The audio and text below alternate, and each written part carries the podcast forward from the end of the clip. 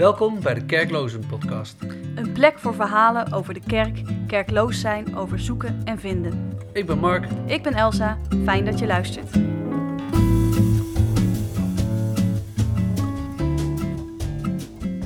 In deze aflevering spreken we Chris Hoksbergen over de kracht van een goed verhaal. Maar gewoon het feit dat je kunt zeggen: Oké, waarom moest Jezus sterven? Hierom. Wat is het werk van de Heilige Geest? Dit en dit en dit. Hoe wat doet de kerk? Nou, dat werkt zo. En het zeg maar gewoon allemaal. Eh, pff, au. ja, en, en ook: Oké, nou weten we dat. En dan. En nou. En neem nog een slokje. Ja, ik neem nog een slok. Oké. Ja, begin maar. Zeg maar. Hey Chris, leuk dat je er bent. Ja, leuk man, gezellig. Ah, dit is nog nooit zo goed gegaan. Hey Chris, leuk dat je er bent. Ja, leuk Ja. om hier te zijn. Vind ik ook. Nou, te gek. Vertel eens wat over jezelf. Ehm, nou goed, ik ben dus eh, Chris Hoksbergen. Ik ben 22 jaar. Ik studeer in Groningen communicatie. Ik ga nu mijn laatste jaar in. En ben altijd, ja, het gaat over de kerk natuurlijk. Hè. Ik ben altijd opgevoed in de kerk. Dus in dezelfde kerk als jou trouwens, in Elsen. Ja, daar heb ik ook een tijdje gezeten. Of in elk van een tijdje. Ja. En, Waar is ehm, dat? Hasselt. Ja. Vrijgemaakte kerk. Wist ik wel, maar ik denk even, hè? Ja, maar dan weet iedereen Ja. het. Ja, groot gelijk. maar eh, ja, daar dus altijd in opgegroeid.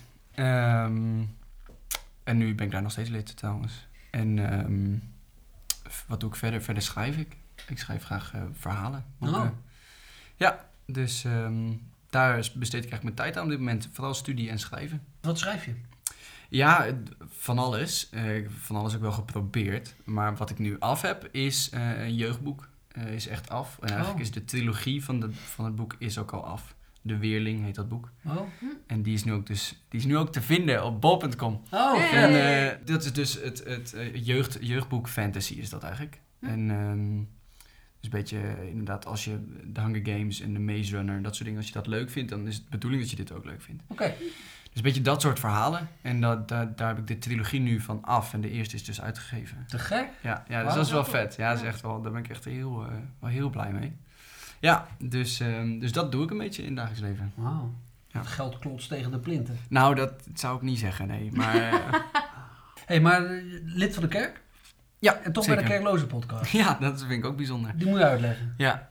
Ehm, nou, ik denk dat het een beetje begon met eh, mijn eerste jeugdervaring... waarin ik dan dacht dat ik God had ervaren. Mhm. was ook bijvoorbeeld buiten de kerk. Dat was bij zo'n Leeds in Action eh, kamp. Hm. Ehm, dus toen kwam ik ook een beetje achter dat een beetje de toffe, even tussen twee van die aanhalingstekens, maar een beetje de toffe eh, christelijke dingen gebeurden buiten de kerk. Mhm. Dus, en, en dat heb ik eigenlijk altijd wel een beetje doorgedaan. Dus het was, eerst was dat het Leeds in Action. En in mijn studententijd werd dat al snel bijvoorbeeld de Alpha cursus. Oh ja. Ehm, om dan te geven, maar ook om te volgen. En dat, ik weet niet, dat buiten de kerk trekt me dan denk ik net iets meer Mhm. dan, dan binnen de kerk. Maar voor de rest wel altijd inderdaad ja, wel in de kerk opgegroeid. Dus ook wel ehm, daar alles eh, hoe zeg je dat? Ja, geleerd en alles meegekregen en zo opgevoed. En officieel ben ik dus nog wel gewoon lid in eh Hassel. Maar dat is niet omdat... ehm, dat is niet... eh, dat is niet omdat ik daar nou per... Dat gaat een beetje lelijk klinken, wou ik zeggen. Dat is niet omdat ik nou heel erg daarmee eens ben. Maar dat is omdat ik me daar gewoon heel erg thuis voel. Dus dat is Ja. wel een grappig... eh, En waarom steek je nu je middelvinger op dan? ja, ja dat, is, dat gebeurt gewoon. Sorry, te makkelijk, te makkelijk. Grapje, leuk. Ja, maar dat is grappig wat je Ja. zegt. Je bent het er zeg maar niet mee eens. Nou, niet Hoe- per se, zeg maar. Als, Ja, Je staat er niet 100% rationeel misschien achter of weet ik veel wat. Want mee eens, dat klinkt irrationeel. ja, En maar Dat- gevoelsmatig voel je je daar thuis. Ja Dat, dat, dat, dat zijn dat dan is wel een goede manier van zeggen dan, denk ik. Ja, want eh, ik heb bijvoorbeeld thuis thuis met mijn ouders... eh, regelmatig discussies over van allerlei eh, Ja. kerkelijke dingen of, of geloofsdingen of weet ik veel. En daarin, zeg maar, als je dat bij wijze van spreken in geloofsbelijdenissen uit zou zetten, dan zou ik niet binnen de gereformeerde geloofsbeleidenis passen. Op die manier. Op die manier Ja. pas ik daar niet in. ja. Maar goed, Kun je ze een voorbeeld noemen? Ehm nou, goede vraag. Ik vind het hele idee van een geloofsbelijdenis vind ik al... Dat is, het is- nou, dat is bijvoorbeeld een discussie. Ehm, die we dan wel eens hebben. Maar goed, het hele idee van een geloofsbelijdenis is... wij weten hoe het zit. En dat schrijven we even op. En dat is dan dit. En dan weten we dat. En dan zijn we klaar. En daar kan ik me dan nog niet heel erg aan vinden. Binnen de kerk, als je kijkt naar de mensen... is het veel minder strikt dan Ja. officieel, zeg maar, de traditie. Er is binnen de kerk veel meer ruimte om gewoon wel lid te blijven Mhm. en nog steeds het volledig met elkaar oneens te zijn. Ja. En dat is fantastisch. Ja. Maar dat officieel binnen de leer, of hoe je dat ook maar Mm. zou willen zeggen, als je dit zeg maar als synodepunten in zou Ja. brengen, dan heb je een probleem. Ja, ja, ja. Zeg maar, dat, dat idee. Ja. Ik had liever gezien dat ik de ruimte voelde om bijvoorbeeld dat keihard. eh, of dat, dat nou, de ruimte voelde. Dat de ruimte er officieel zou zijn om van theologische mening te verschillen. Ja. en nog steeds binnen dezelfde kerkgemeenschap dat te zijn. omarmd wordt, zeg maar. Precies, Het is iets anders ja. dan gedogen. Ja, Ja. nee, exact. En, ehm, maar aan de andere kant, ik snap ook wel dat, dat dat misschien voor onze cultuur heel lastig is. Als ik bijvoorbeeld mijn opa en oma zie, die, die vinden het best wel lastig dat vrouwen nu in het ambt mogen. Ja, dat Oh, snap ja. ik. En daar zit een Ja. heel stuk geschiedenis achter, Ja. wat ik niet snap. En dat is ergens ook alweer prima. Dus ik denk dat er misschien ook gewoon wel een hele hoop tijd overheen moet eerst. Zeker weten. Ja. Ja. Maar dat- dat- Altijd liefde. Ja, maar Ja, dat ja, begint wel nee. te komen. Exact. Ja, nee, zeker. En ik merk het dan helemaal onder mijn leeftijdsgroep wel. Dat eh, iedereen gaat gewoon stu- of studeren of in elk geval weg. Of die krijgt een, een, een niet-christelijke vriend of vriendin Mm. of weet ik veel, dat soort dingen. En dan moet je ineens iets. Ja. Ja. En dan gebeurt er van, van alles wel. Maar goed, dus eh, dat is een beetje mijn achtergrond, denk ik. Hm. Dat was de vraag, toch? Oh ja. Oh, ja. Want je Ja. voelt je wel thuis. Dat wil zeggen, jij Ja. hebt daar een sociaal netwerk, denk ik. Ja, Eh, en- en- Ervaar je het als een soort grote familie? Of, hoe Ja, nou ja, kijk, mijn ouders hebben gewoon een heel aantal vrienden in die kerk. Dus bevriende stellen. En de kinderen daarvan zijn we een soort van samen heel veel mee opgegroeid. En eh, dat is nog steeds gewoon heel goed. En Ja. ik vind, ben bijvoorbeeld ook wel heel enthousiast over jeugdwerk wat in onze kerk wordt gedaan. Mm. Of allemaal andere initiatieven. Maar de officiële dienst op zondag, dat is niet per se mijn favoriete unit. Nee. Maar daar Dus haal je dat- toch weer voeding vandaan. Ja, ga toch weg, man. Pak even. Ja, ik pak even een koekje. Je Echte, vo- even echte voeding. Echt zelfgebakken voeding. En, ja. Maar dat hoor je toch vaak? Ja, dat zondag daar haal je gevoed worden. geestelijke voeding vandaan. Ja, nou ja, ik, ik zie dat, ja, is gewoon wel grappig. Want ik denk inderdaad dat voeding, als het voeding is, dan klinkt het alsof je elke keer een soort van klein hapje kunt nemen. En dat is dan prima. Terwijl ik, wat ik heb ervaren, maar goed, dat zal misschien niet voor iedereen zo zijn, is dat juist het christelijk geloof eerder een soort van één gigantische pil is die, als je die eenmaal geslikt hebt, dat je dan zeg maar er niet meer van afkomt en je hele leven naar de knetter gaat. dus dat, zeg maar... Blue pill, red pill, zeg maar. Ja, weet je dat idee? Ja. Van, ja, ik moest ik, ik daar denk ik Ja. over hoe moet ik deze interpreteren. Maar ja, ja, ja, nee, maar ik dacht Ja. inderdaad, de Matrix... Geen Ja. pil van Drion, maar gewoon... de, Nee, Nee, dacht- nee. Dat is ook wel... Niet, niet, te, niet te luguber. Meer in de zin van, eh dat is één keer een moment van wil ik dit? Wil ik op Mm. deze manier naar de wereld kijken? Ja. Tenminste, zo interpreteer ik dat dan. Ehm, wil ik zien dat zwak sterk is? Wil ik zien Ja. dat, nou, et cetera. Een beetje dat mooie in het christelijk geloof.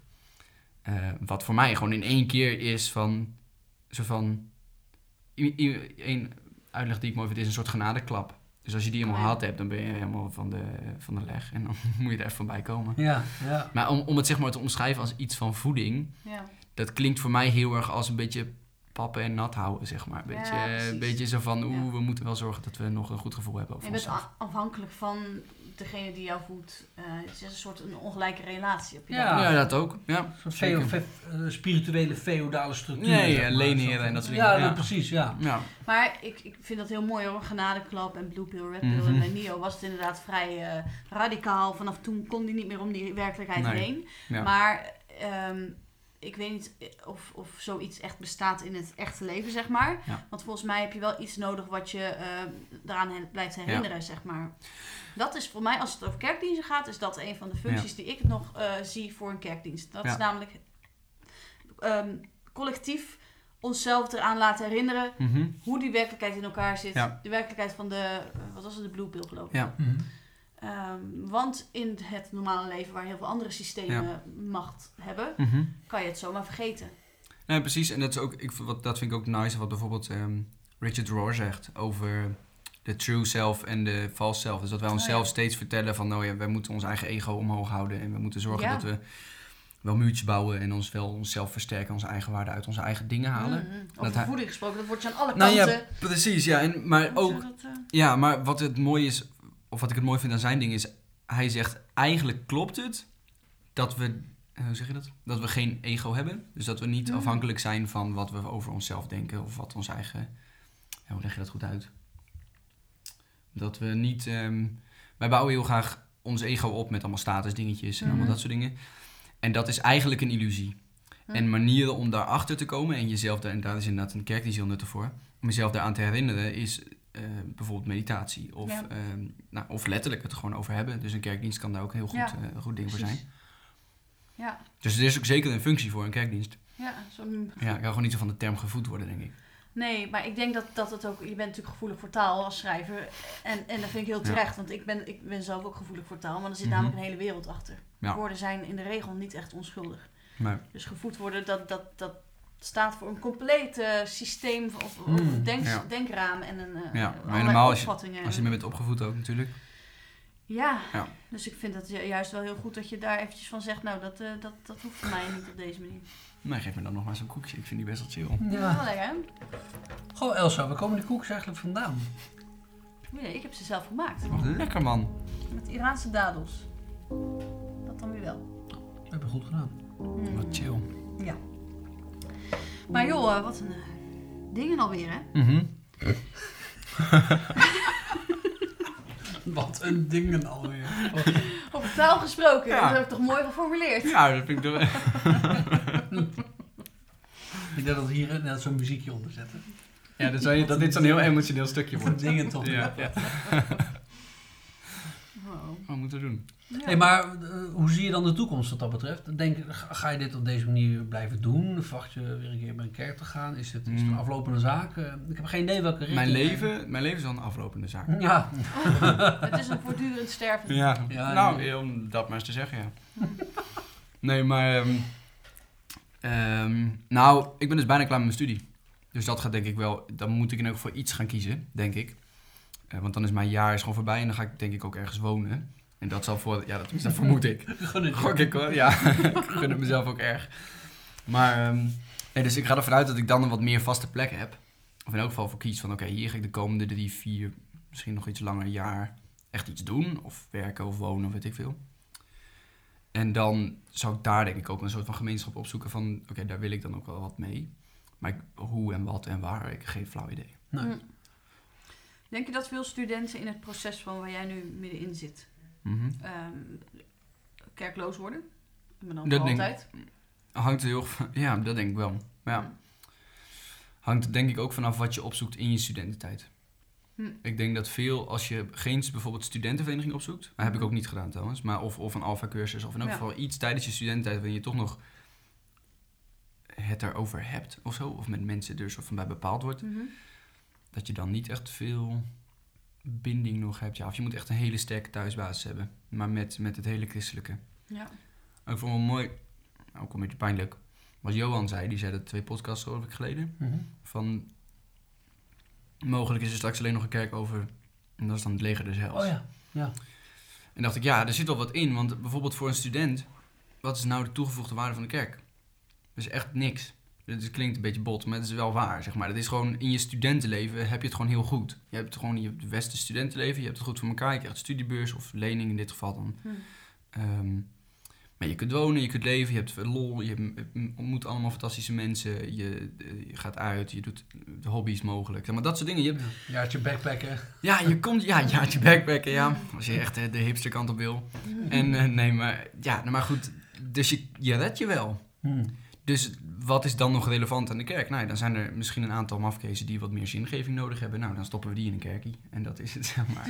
Mm. Ja, nee, maar dat gevoel heb ik soms wel eens. Dat ik denk, ja, als het niet meer, als het niet meer praktisch relevant is, wat is dan, wa- waarom doen we het dan, zeg maar? Ja.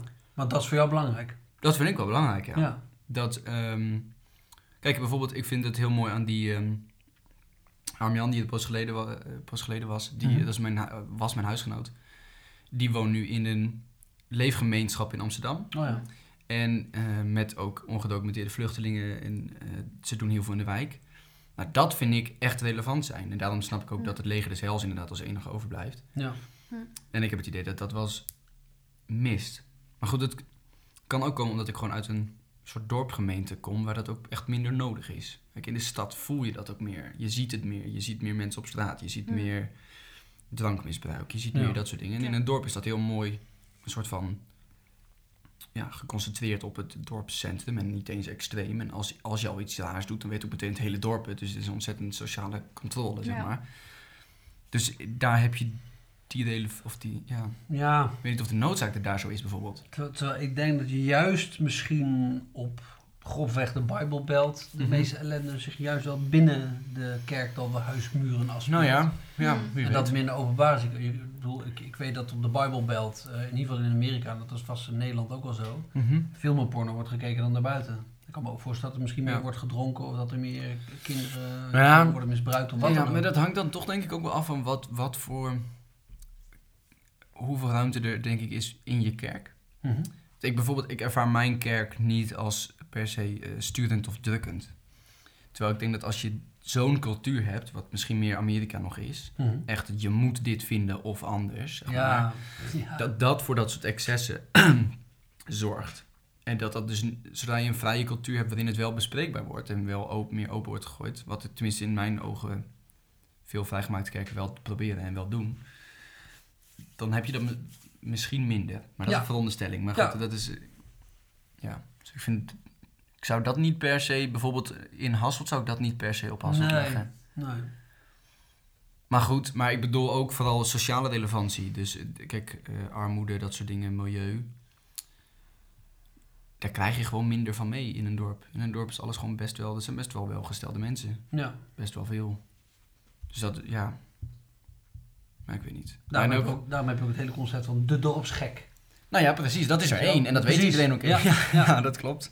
Ja, en die heet dan Mark Eikema. En dat, is dan, dat weet dan ook iedereen. Ja, en als je dan in een dorp woont en je hebt geen dorpsgek, dan ben je dat zelf waarschijnlijk. Ja, precies. Ja, exact. Ja.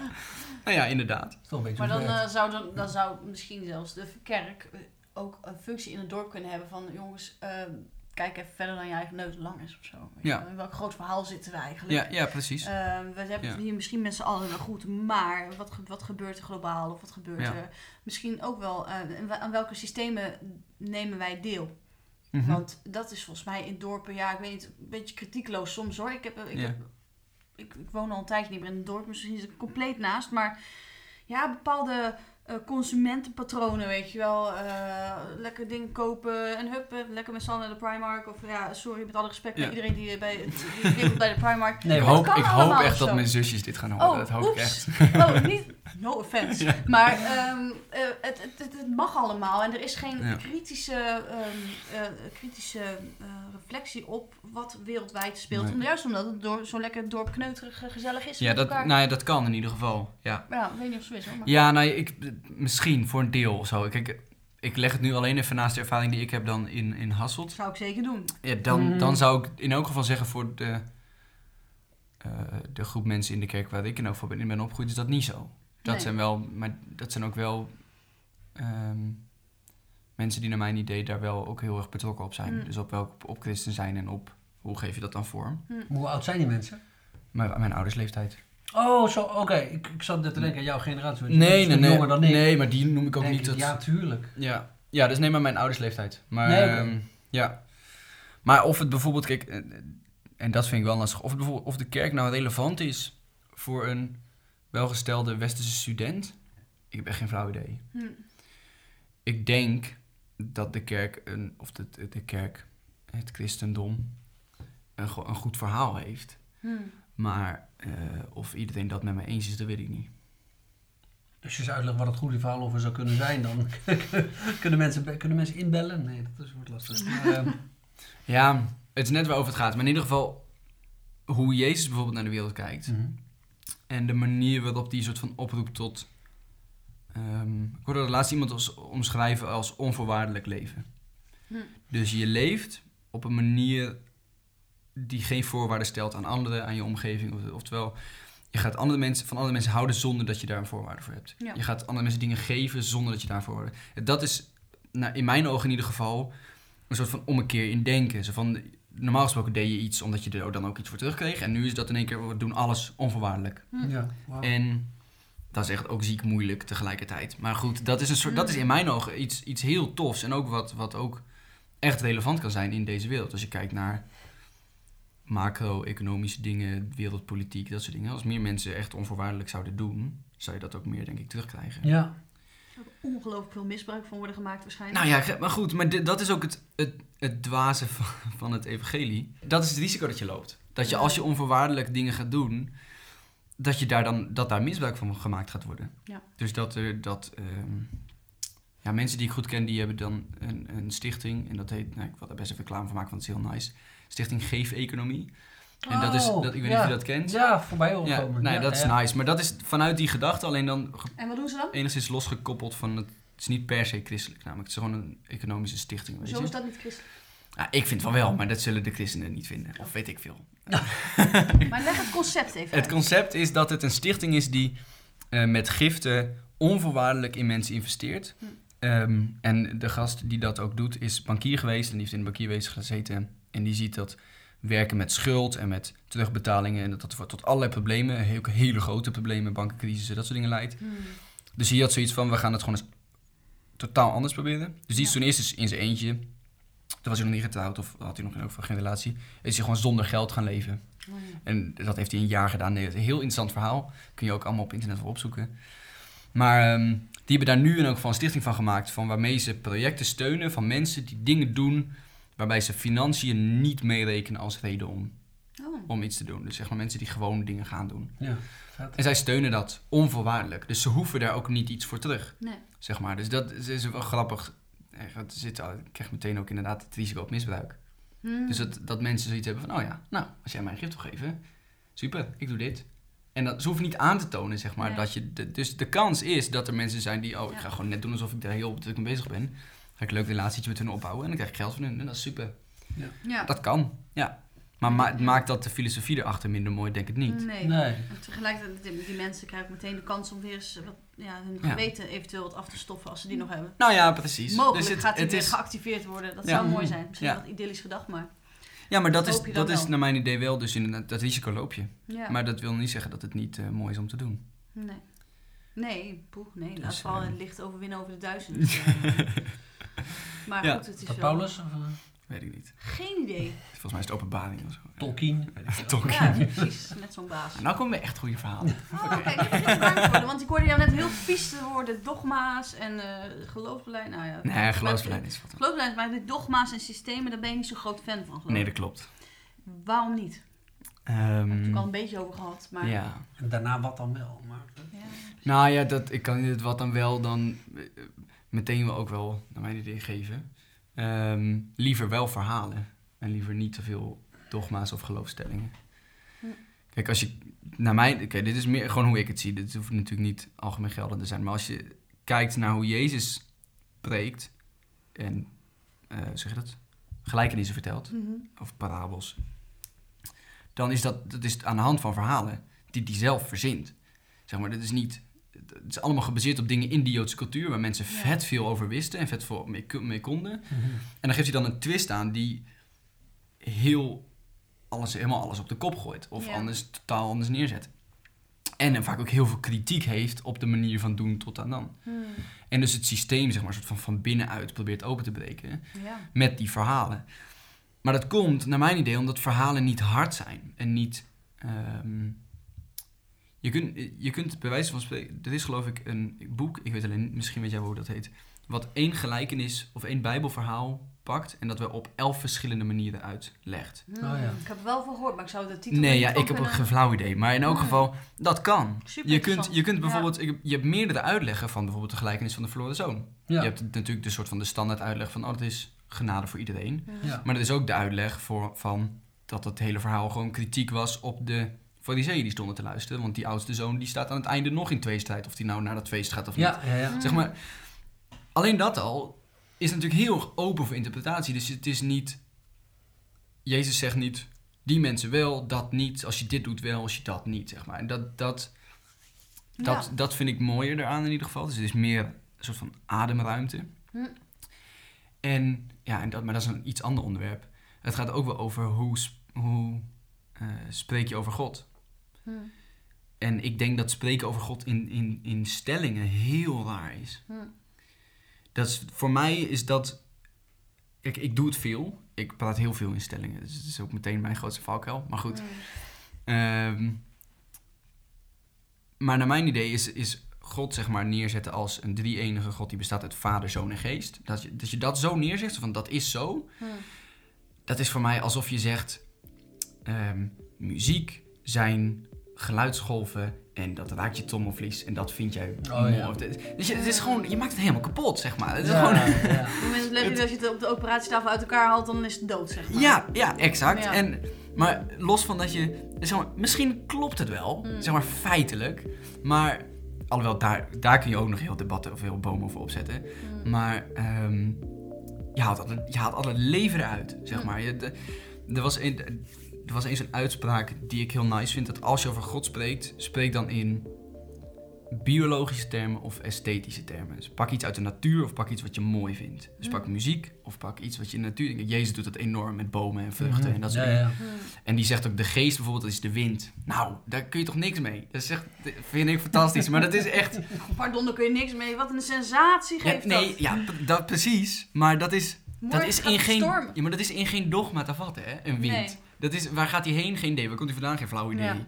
Zeg maar, maar er zit zoveel, wel mo- soort van mooie waarheid Mm. in. En hele mooie boodschappen zitten in, in, op die manier over God spreken. En ik heb gewoon niet het idee dat dogma's die ruimte bieden. Daar ben ik er niet zo fan van. Maar goed, daar, ja, dat. Dogma's zijn misschien vrij dualistisch als, als in... Ze zijn waar of niet waar. Ze zijn heel apologetisch. En dat is... Jezus is geboren uit de maagd Maria, of niet. Ja, En dat precies. is het. En Ja. het is niet een soort van Mm. middenweg. Of dit, Nee. dit is gewoon. En als je. Het, ook met, het zorgt ook meteen ervoor dat mensen kunnen denken in scheiding van groepen. Ja, ja. Dus dat als iemand dat dus wel vindt, dan hoort hij er wel bij. Of als hij dat niet vindt, dan hoort hij er niet bij. En als je kijkt naar bijvoorbeeld. Wat ik heel tof vind aan Jezus, is iedere keer dat je zo'n groepsscheiding ziet, dan draait hij het om. Dus bijvoorbeeld die. Zeg, het, Tyrus en Sidon. Of die, die- Steden. die steden, dat is in de hele Joodse cultuur. Dit komt uit het boek van Rob Bell trouwens, vond ik een fantastisch stukje. Maar in de hele Joodse cultuur, dus in alle boeken daarvoor zijn Tyrus en Sidon, dat was echt vervloekt, jongen. Dat ging echt drie keer donders over de kop naar de hel. Dat was echt verschrikkelijk. Hmm. En dan zegt hij op een bepaald moment tegen Joden. Hun lot zal nog beter zijn dan dat van jullie. Ja. Nou, dat was echt je grootste belediging. ja. En Vrij duidelijk ook, hè? Er zit niet veel Nee, ademruimte nee, in. absoluut. Nee, dat is wel waar. Maar hij, nee, maar hij gebruikt zeg maar dogma Ja. tegen hun. Dus Ja. dat is die manier van scheiding maken, Ja. dat, daar heeft hij dikke lak aan. Ja, wie maar. dogma's hanteert, zal ook dogma's over je heen Nou overheen ja, krijgen. precies. Ja. dat dan ook wel. Ja. Je oordeel niet op dat je Nou ja. niet geoordeeld wordt. Ja. Misschien dat Jezus tegen mensen die zo duidelijk in hun denken waren, ook Ja. heel duidelijke dingen zegt. Ja. Dat zou kunnen. Maar het was geen Ja. dogma. Ik vind het geen dogma. Hij vertelt dat toch een soort verhaal. Hmm. Het is Ja. moeilijk. Je kan daarvan niet zeggen het is waar of niet waar. Nee, en ik, ik geloof ook dat die uitspraak in een betoog zit over Jeruzalem of over Mhm. eh, Mhm. het Joodse volk. Of in elk geval iets. Maar het, het is in elk geval... Verhalen zijn veel opener en veel... Daar kun je veel meer kanten mee op. En ook iemand die zich er niet in vindt passen... kan daar nog weer een soort van debat over opzetten... zonder dat hij meteen er niet bij hoort. Hm. Terwijl als je een standpunt inneemt over homoseksualiteit... dan kun je ervan vinden wat je wil... maar dat is het, bijvoorbeeld. Dus dat, ja, dat, dat vind ik lastig dan. Dus dan heb ik liever verhalen dan dogma's. Ja. Ik denk dat de scherpte, Mooi. het scherptepunt van verhalen zit hem volgens mij niet in, in de inhoud, maar zit hem in de openheid voor het verhaal. Jezus zegt ook, Ja. wie oren heeft, die horen. Nou, ja, heel erg, ja. Weet je, dus Ja. eh, er zit wel een soort schermte in. eh, van, Ja. ehm, ik ga nu een verhaal vertellen, maar niet iedereen zal het begrijpen, of niet iedereen wil het ook begrijpen. Nou, ja, precies. Een Dus- mooi voorbeeld is bijvoorbeeld ja. Narnia. Narnia is natuurlijk een heel makkelijk voorbeeld, omdat het Hm. leent... Dat is bijna, in elk geval het bekendste boek wat verfilmd is... is bijna een kopie van het, eh het leidersverhaal van Jezus. Ja. Als je dat weet, en als je die context hebt, dus dat referentiekader hebt... dan kun je dat eruit halen. Ja, En dan kun je ook zien wat het zegt en hoe het relevant is voor jou. Hm. Als je dat niet hebt, is het gewoon nog steeds een mooi verhaal. Ja, en dan haal je er misschien wel iets heel anders uit, wat ook wel weer heel tof kan zijn. Maar dat, dat, dat is echt een soort van eh, schat aan mogelijkheden en opties en ruimte. En, en het is ook niet, oh, als je dat niet ziet, dan is jouw uitleg van Narnia verkeerd. Hm. Zeg maar. dat, zo wordt er niet over gesproken, het is een verhaal. Dus, en dat, zeg maar, ultiem ehm, doet Jezus volgens mij ook. Met, met inderdaad die gelijkenissen en verhalen die hij vertelt. Dus en dat vind ik toffer nog dan, ja, dan allerlei Ja. dogma's en ehm, stellingen, zeg maar. ja. Wauw. Daar haak je bij af. Nou, je- Mm. op een ik word er heel recalcitrant van. Oh, Kijk, en dat zullen mijn ouders wel meer herkennen als ze dit luisteren. Maar dit, Mm. als, ik, dat is wel grappig bij ons thuis. Ik zal eerder een gesprek hebben met mijn moeder en eerder een discussie met mijn vader. Oh, ja. En dat Oh, is ja. fantastisch en het zal in heel veel gezinnen hetzelfde zijn. Hm. Eh, maar dat komt omdat eh, als mijn vader bijvoorbeeld iets stelt dan ga ik ook iets stellen. Oh, ja. Dan ga ik er tegenin. Dan wordt het gewoon. En dan wordt het clashen en bam. En dat is leuk. En dan zijn we aan het einde, schudden we elkaar de hand en is het goed. Maar dat is wel clash. Mm. Terwijl Ja. een gesprek is hier weer heel anders. Dus het, het, het- ja, van dat stellen krijg je dat ook. Hmm. Ik word daar wel recalcitrant van. Dus als Mm. iemand zeg maar zegt van nou, het zit zo. Nee, nee, totaal niet. Klopt geen zak van. Nee, nee, helemaal niet waar. Hmm. En dat hoeft helemaal niet zo te zijn dat ik dat dan ook echt vind. Maar dat is meer gewoon als tegenreactie op. Ja. Misschien ook niet altijd even handig, maar goed. Hij heeft misschien wel een functie, toch? Ja, nou ja, zeker. En je krijgt altijd een leuk Ja. gesprek. Ja. Of in elk geval discussie. Ja. Maar li- ja, dan heb ik liever dat bijvoorbeeld in de kerk... En ik, naar mijn idee gebeurt dat ook wel. Of in ieder geval verschilt toch per dominee dan wie je hebt. Er worden ook best wel goede verhalen verteld. Het is heus niet zo dat het alleen maar dogma's worden verteld op de preekstoel. Het gaat nergens Mm. over. Er zijn echt een hele hoop goede dominees die echt wel mooie verhalen vertellen... en bijbelverhalen weten te koppelen aan nu en et cetera. Ja. Maar het zou wat mij betreft wel meer gebaseerd mogen zijn op verhalen dan op een geloofsbelijdenis of op een dogma of een kerkorde of een catechismus of catechismus is ook zo'n draak van een ding. Dat is gewoon vraag. ja, dat is toch. Ik vind het ook wel mooi hoor. En helemaal als je kijkt naar de ontstaansgeschiedenis is het prachtig, maar het is het is voor nu is het zo'n naar mijn idee soort keurslijf. Terwijl ik feitelijk ben ik het bijna met alles eens trouwens in dat catechismus. Ik heb laatst eens uitgezocht, dat is heel grappig, maar ik ben het helemaal niet echt extreem oneens Ja. ermee. Maar gewoon het feit dat je kunt zeggen: oké, waarom moest Jezus sterven? Hierom. Wat is het werk van de Heilige Geest? Dit en dit en dit. Hmm. Hoe wat doet de kerk? Nou, dat werkt zo. En het Mm. zeg maar gewoon allemaal. eh, pff, ja, en- en ook- Oké, nou weten we dat. Hmm. En dan En nou? einde. Oh ja, nou, wat bijvoorbeeld wat ik dan dus leer op mijn, op mijn opleiding is met communicatie kun je drie dingen be- beïnvloeden: kennis, houding en gedrag bij mensen. Hmm. En dit is bijna alleen maar kennis. Ja. Terwijl houding en gedrag is het iets totaal anders. Er Ja. heb je heel ander soort dingen voor nodig dan, dan eh, dat je weet hoe de Heilige Geest werkt. Dus krijg je een soort gespleten werkelijkheid van de werkelijkheid van zonder in de kerk, waar de kennis zeg maar, Mhm. en de werkelijkheid van het gedrag en houding. Ja, en er zijn natuurlijk gelukkig een hoop dominees die dat wel weten te koppelen. Ja. Maar ehm, ja, officieel, als je kijkt naar synodes en hoe het is geregeld in, in sommige kerken, en hangt een beetje ook van af van wie je spreekt, maar officieel wordt het nog bedacht allemaal vanuit een catechismus of Hmm. vanuit een, eh, dat. Dus jij ziet een soort eh, verhalencultuur voor je in de kerk. Idealiter, Ehm, ja. En, en hoe, wa- wat ik me dan afvraag is, ehm, wat voor invloed heeft dat op hoe een kerk functioneert of hoe een kerk eruit ziet? Hoe dat er praktisch meer uit zou zien, zeg maar. Ja. Een goede vraag sowieso. Ehm, ja, ik denk toch meer dan Joods. Zeg maar, in, wat ik er in heel veel nu van begrijp, en mijn kennis is daarin ongetwijfeld ontzettend beperkt, Hm. maar is, als je kijkt naar hoe de synode, of de synodes, moet mij worden, de synagoges waren georganiseerd. Hetzelfde. Ja joh, dat is precies. Dan zaten ze allemaal met twaalf blanke mannen om de tafel.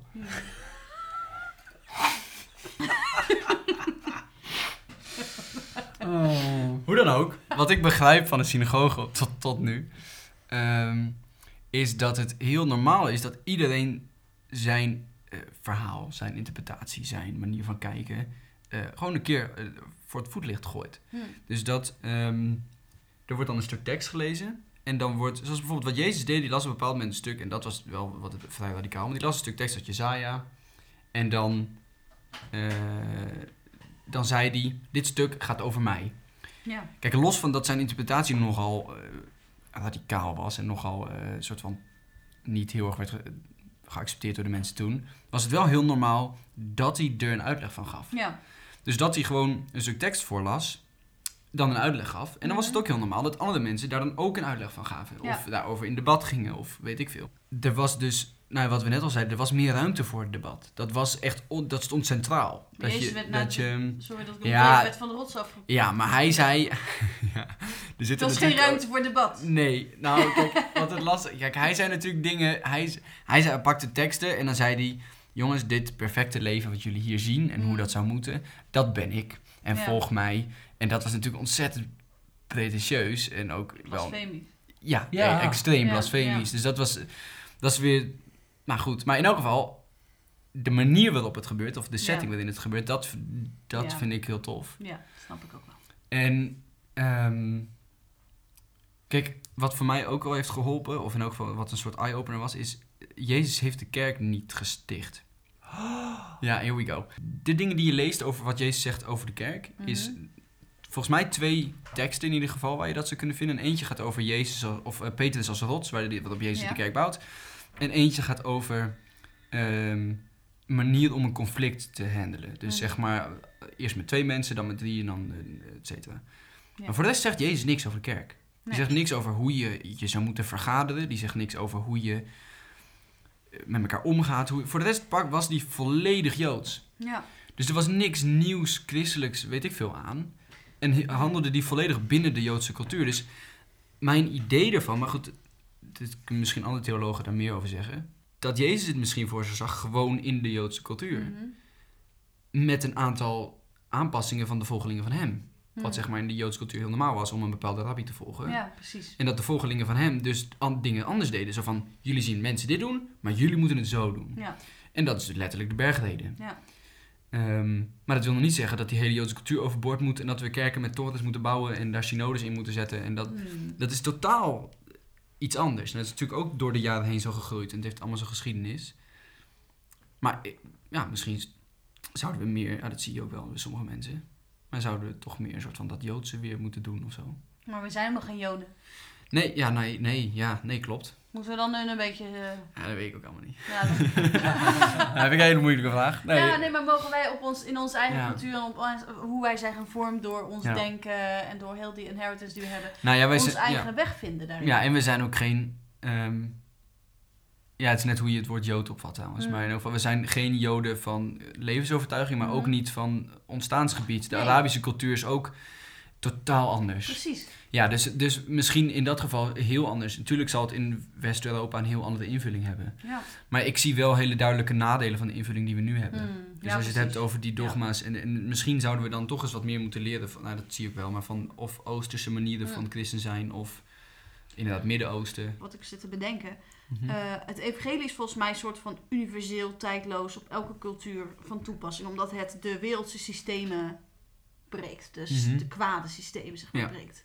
Door wat Jezus heeft gedaan. Ja. Eh, en dan is het juist interessant om te kijken in wel, hoe krijgt dat in elke specifieke cultuur. eh, wat voor uitwerking heeft het evangelie daar? Zeg Mhm. maar. Ja, En dat kan betekenen inderdaad dat het er wat meer joods gaat uitzien. Maar het Ja. kan zo goed zo uitzien of weet ik wat. Ja. Dat het eh, gewoon eh, als ja, Gods koninkrijk denk ik, is zeg maar de universele term voor, voor wat er dan overal wordt er ge- gebeurt. Ja. ja, misschien wel. Alleen het. ehm, kijk, het lastige, of het lastige, ik, ik ken natuurlijk mijn cultuur. Ja. En ik kan dus wel wat zeggen over het Afrikaans christendom, Mhm. maar daar hebben ze niet zoveel aan. We ook niet, we ook niet doen. Nee, er zijn niet veel meer. Nee, precies. Dat kan ik wel leuk vinden, maar voor de rest... Dus ik, als ik ergens iets van ehm, hervorming in zou willen zien, Mhm. of eh, volgens mij zegt bijvoorbeeld Richard Rohr dat ook, dat de kerk eigenlijk constant hervorming is. Ja. Dat de hervorming is wat de kerk is en niet per se de, dat wat er ontstaat na een hervorming. Hmm. Maar dat wat ik kan aanpassen, waar Ja. ik wat mee kan, is mijn cultuur. ja, zeker. We En- hebben onze klus te klaren. Nou ja, precies. Ja. En, en ehm, dus ja, naar mijn idee zijn er gewoon wel duidelijk nadelen van die cultuur. Ja.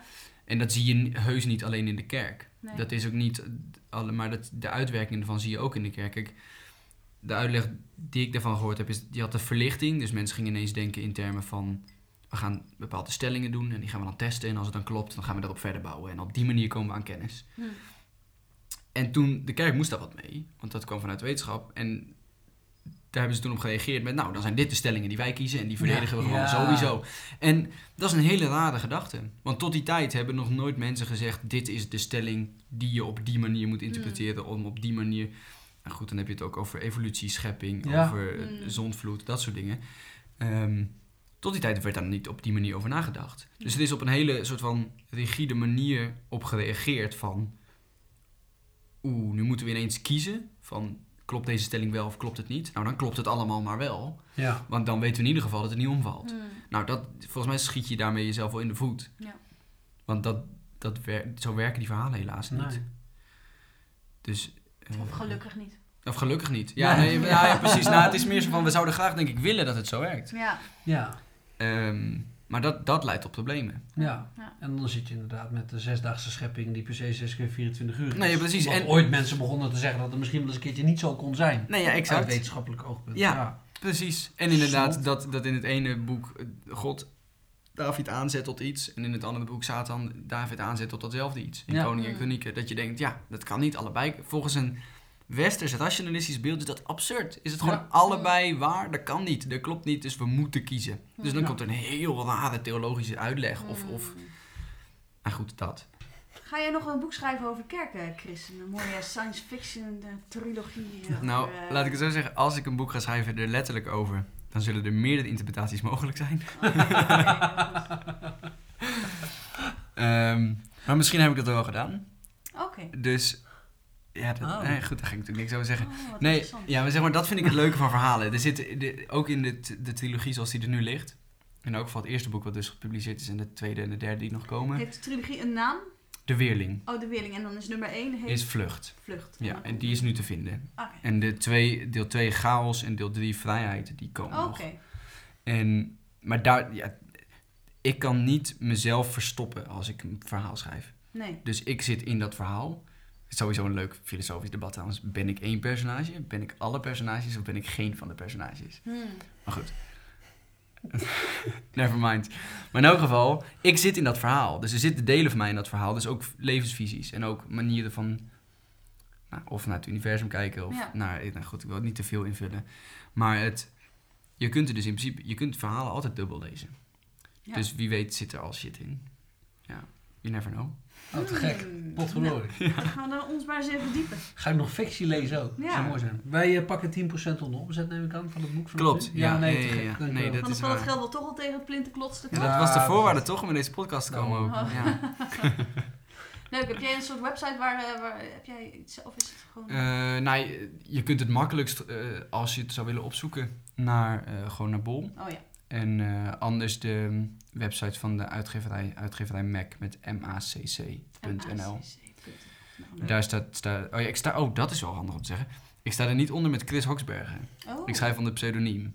Dus dat, ja, dat klinkt, ja Die je natuurlijk nu Zo'n alien. moet prijsgeven, want Ja. die is niet, waarschijnlijk niet eh, geheim. Nee, nee, die is niet Die geheim. staat op het boek. Ja, maar dus als je op de website zit van, van ehm, de uitgeverij, moet je de pagina van Christopher C. Peterson hebben. Oké.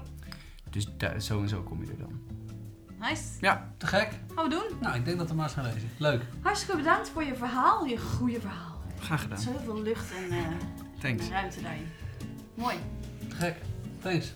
Ja, Ga vrede. en eh, tot later. Ja. Joep. Hoi.